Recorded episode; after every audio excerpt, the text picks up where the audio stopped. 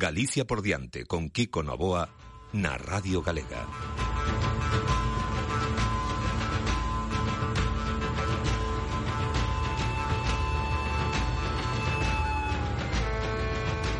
Hoxe especial sobre a escravitude Non nos referimos a esta localidade Ou algunhas localidades que levan este nome Senón a toda a súa extensión conceptual Lo que significou a escravitude en Galicia Porque houbo, houbo escravitude Abrimos este tempo que damos en chamar as efeméridas que nos trae todas as semanas o gran Manuel Gago. Hola Manu, moi bons días. Oh, hola, moi bo día. Que tal Manu?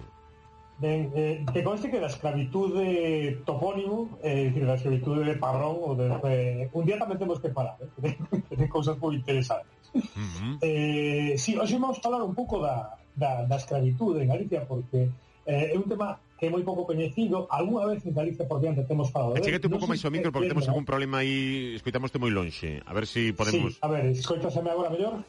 Pouco mellor. A ver, a ver aquí agora mellor, estou xa pegado ao micrófono totalmente. Eh, que dicía, dicía que algunha vez temos tratado o tema da escravitude eh, aquí no Galicia por diante e eh, que, por exemplo, temos falado en, eh, dos escravos que tiña o mosteiro de Sobrado dos Monxes da Idade Media, que eran mouros, non? Eran sarracenos, eh, da, un pouco dos reinos conquistados por Castela, pero non temos falado do, da escritura que deu despois da conquista do Novo Mundo, Kiko, que é unha cousa bastante curiosa, hai un certo número de datos que nos permiten saber un pouco, pois, datos moi, bastante eh, chamativos alrededor dos escravos en Galicia, que os sabía, non? De decir, como sabía en marcamente todos os reinos de Europa.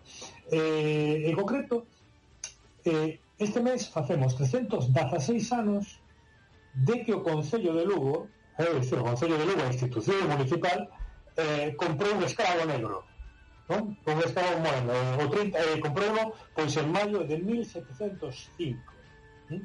eh, e isto parece ser a mí me sorprende moitísimo cando, cando ven esta información porque parece ser que era moi habitual que os concellos galegos tivesen un escravo negro dicir, eh, había escravos negros en Santiago había escravos no Concello de Santiago había escravos negros no Concello de Ourense o que por certo o Concello de Ourense lle fixo unha argola de plata é dicir, o escravo levaba unha argola de plata eh, e era un pouco representativo del, que o escravo negro do Concello tiña unha argola de plata, eh, e, e en todos os concellos querían figurar, porque sabes a que se dedicaban estes escravos que había que a veces o mellor era o único negro que había na cidade, ¿eh? a única a única de color que, que había na cidade. Sabes a que se dedicaban, Kiko?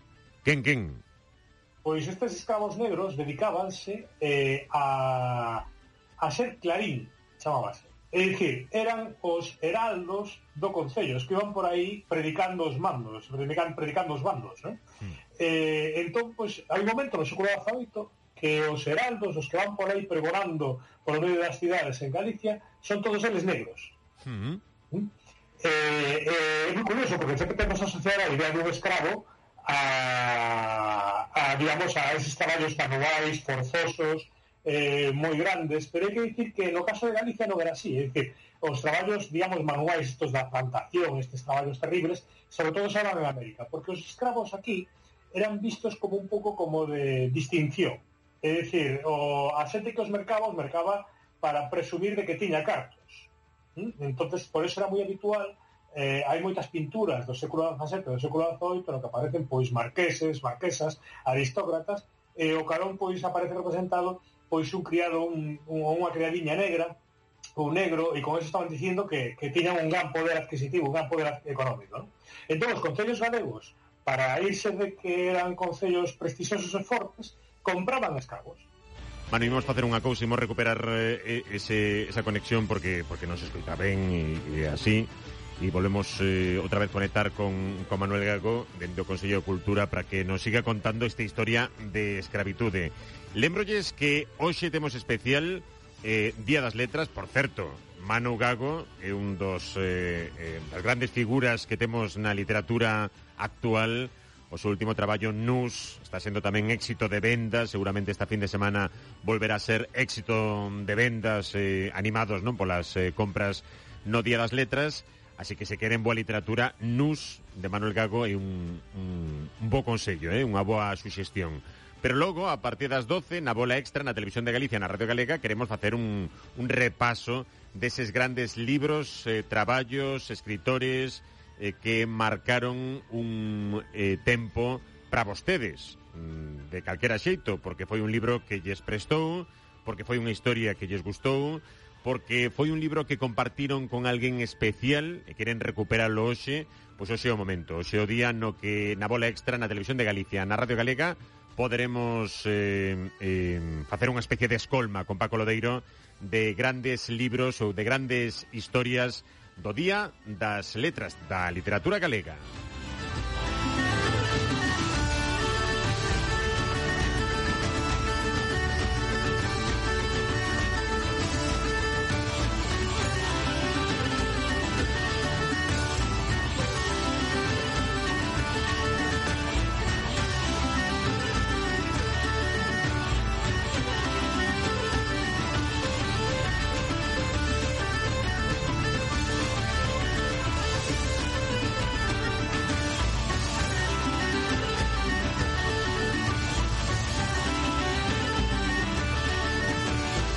ver, quedábamos co, coa escravitude Facemos un pouco de resumo Para xente que se estea conectando agora mesmo. Manu.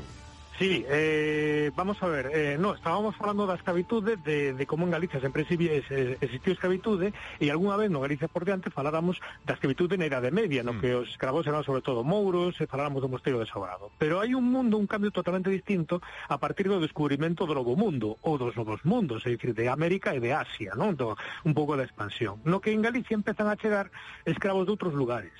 Eh, sobre todo en Galicia chegaban os escravos a través de Portugal, Kiko. Mm -hmm se generamos portugueses eh, a través das súas bases pois en a India ou as súas bases en Brasil as que traían as que traían escravos. De feito, teóricamente, eh, non se podían vender escravos que viñan da América Española Así que, por exemplo, pasou que os primeiros escravos que, que intentaron ser vendidos un pouco do novo mundo viñeran porque por unha expedición que fixeran eh, de, a, na Casa de Especiería de Coruña, a principio do século XVI, Fernando Andrade truxeran un montón a 50 iroqueses, a 50 amerindios e indios do norte de América, que aínda han de vivir os seus descendentes pola Coruña, e non puidera vendelos porque foran tería descubertos en dominio do rei español.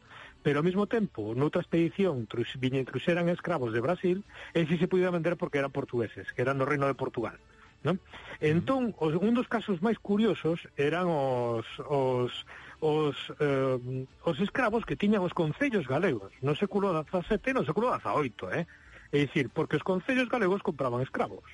Eh? E fíjate que ves aquí o alcalde pois firmando un, un contrato de Mercando así un, un lote, non? Mercando, non un lote, fíjate, mercaban un. Que eso é máis curioso. Mercaban un. Sí, sí, eu me quedei moi sorprendido, porque resulta que o oficio de eh, o, mercaba un escravo negro porque mercarse un escravo negro era como un símbolo de estatus. É dicir, se ti tiñas un escravo negro e que tiñas cartos e que tiñas poder hm?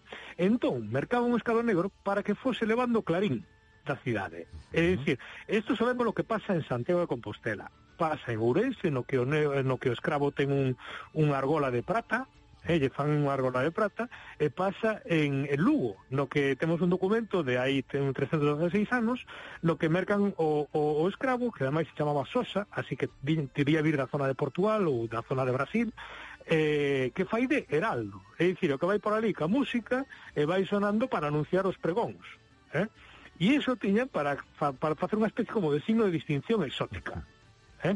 Eh, e isto pasou, e, e ademais era unha cousa moi curiosa, porque deles Non sabemos moito das súas vidas, destes homes, pero que si sabemos, sabemos claro, eran tratados como un ben máis do Concello, co cual temos a contabilidade das súas vidas. Eh? Uh -huh. Sabemos onde, cando, a, como había que pagar o Cler, eh, o alugueiro, eh, quen, quen os vestía, e canto había que pagar, canto se había que pagar por manutención. Entón, non sabemos nada deles, a veces non sabemos nin o nome, pero temos unha contabilidade puntillosa dos concellos de, de canto lle pagaba esta xentilla para tal. E eran tratados como, como, como escravos en todos os efectos, só que eh, a diferencia de América, no que os escravos traballaban en plantacións en condicións durísimas, pois esta xente, pois, pois a, en ese sentido, tiña máis sorte. Non, non, os seus traballos non eran moi duros. De feito, eh, por exemplo, para como como te va a andar cun clarinete por aí, tampouco tampouco quedaba moito tempo libre, digamos, uh -huh. eh, o que facíamos o que facíamos consellos, eh, os concellos era lle encargamos outros traballos. Entón, por exemplo, en Lugo era o encargado do mantemento das fontes da cidade. Era o que tiña que andar desatascando as fontes, que se atascaban con moita frecuencia co, cos materiais vegetais. E, e, por exemplo, temos un documento moi curioso que como os negros eran algo moi exótico, e o mellor ese negro, en Lugo era o único negro que había eh, na cidade de Lugo, e posiblemente casi na provincia de Lugo, eh, hai un momento no que o Concello de Monforte, para as festas, lle pide ao Concello de Lugo se lle pode prestar o escravo Ay, por favor, pero parece que responde a todos los estereotipos da escravitude. ¿eh? Absolutamente, absolutamente. Entonces piden que lle preste o escravo para que o escravo levalo ás festas eh, a, a Monforte. Estamos falando do principio do século XVIII, eh, uh -huh. tampouco sí, sí, non no, estamos no. falando da Idade Media, eh? sí, sí. Antonte, como, como que di, non? Entón, entón eh, eso se, se, se ve moito, non? E, por exemplo, ese pluriemprego que tiñan os, os, os eh, escravos dos concellos, de, dos concellos galegos, por exemplo, en Ourense, o tamén levaba o clarinete, pero ademais de ser o verdugo da cidade, o, o escravo.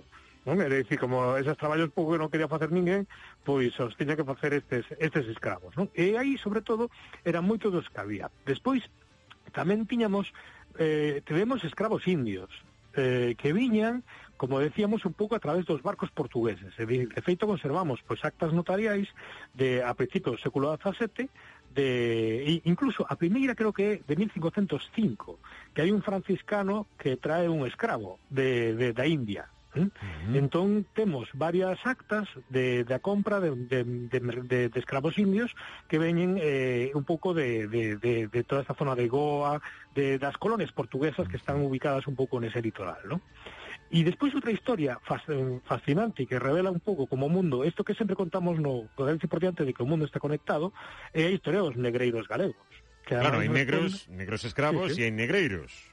que en Galicia foron moitos e o investigador Rafael Lema, sí. pois el calcula que entre 1816 e 1820, que foi non foi o único momento, pero foi o gran período, digamos, de, de, de comercio de escravos e negros, eh, eh, digamos, dos barcos galegos eh, saliron, pois creo que casi prácticamente 7.000, foron leva trasladados 7.000 escravos negros, non? Que eles os comercios... Pero fíjate ti como era a historia, que o auxe do, do, do comercio negreiro en Galicia veu dado por unha circunstancia. Ti fíxate con, o que son as cousas. Sí. Eh, Gran Bretaña proibiu a escravitude. Non? Entón, eh, en todas as súas colonias era metrópoli, proibiu a escravitude. E Francia tamén.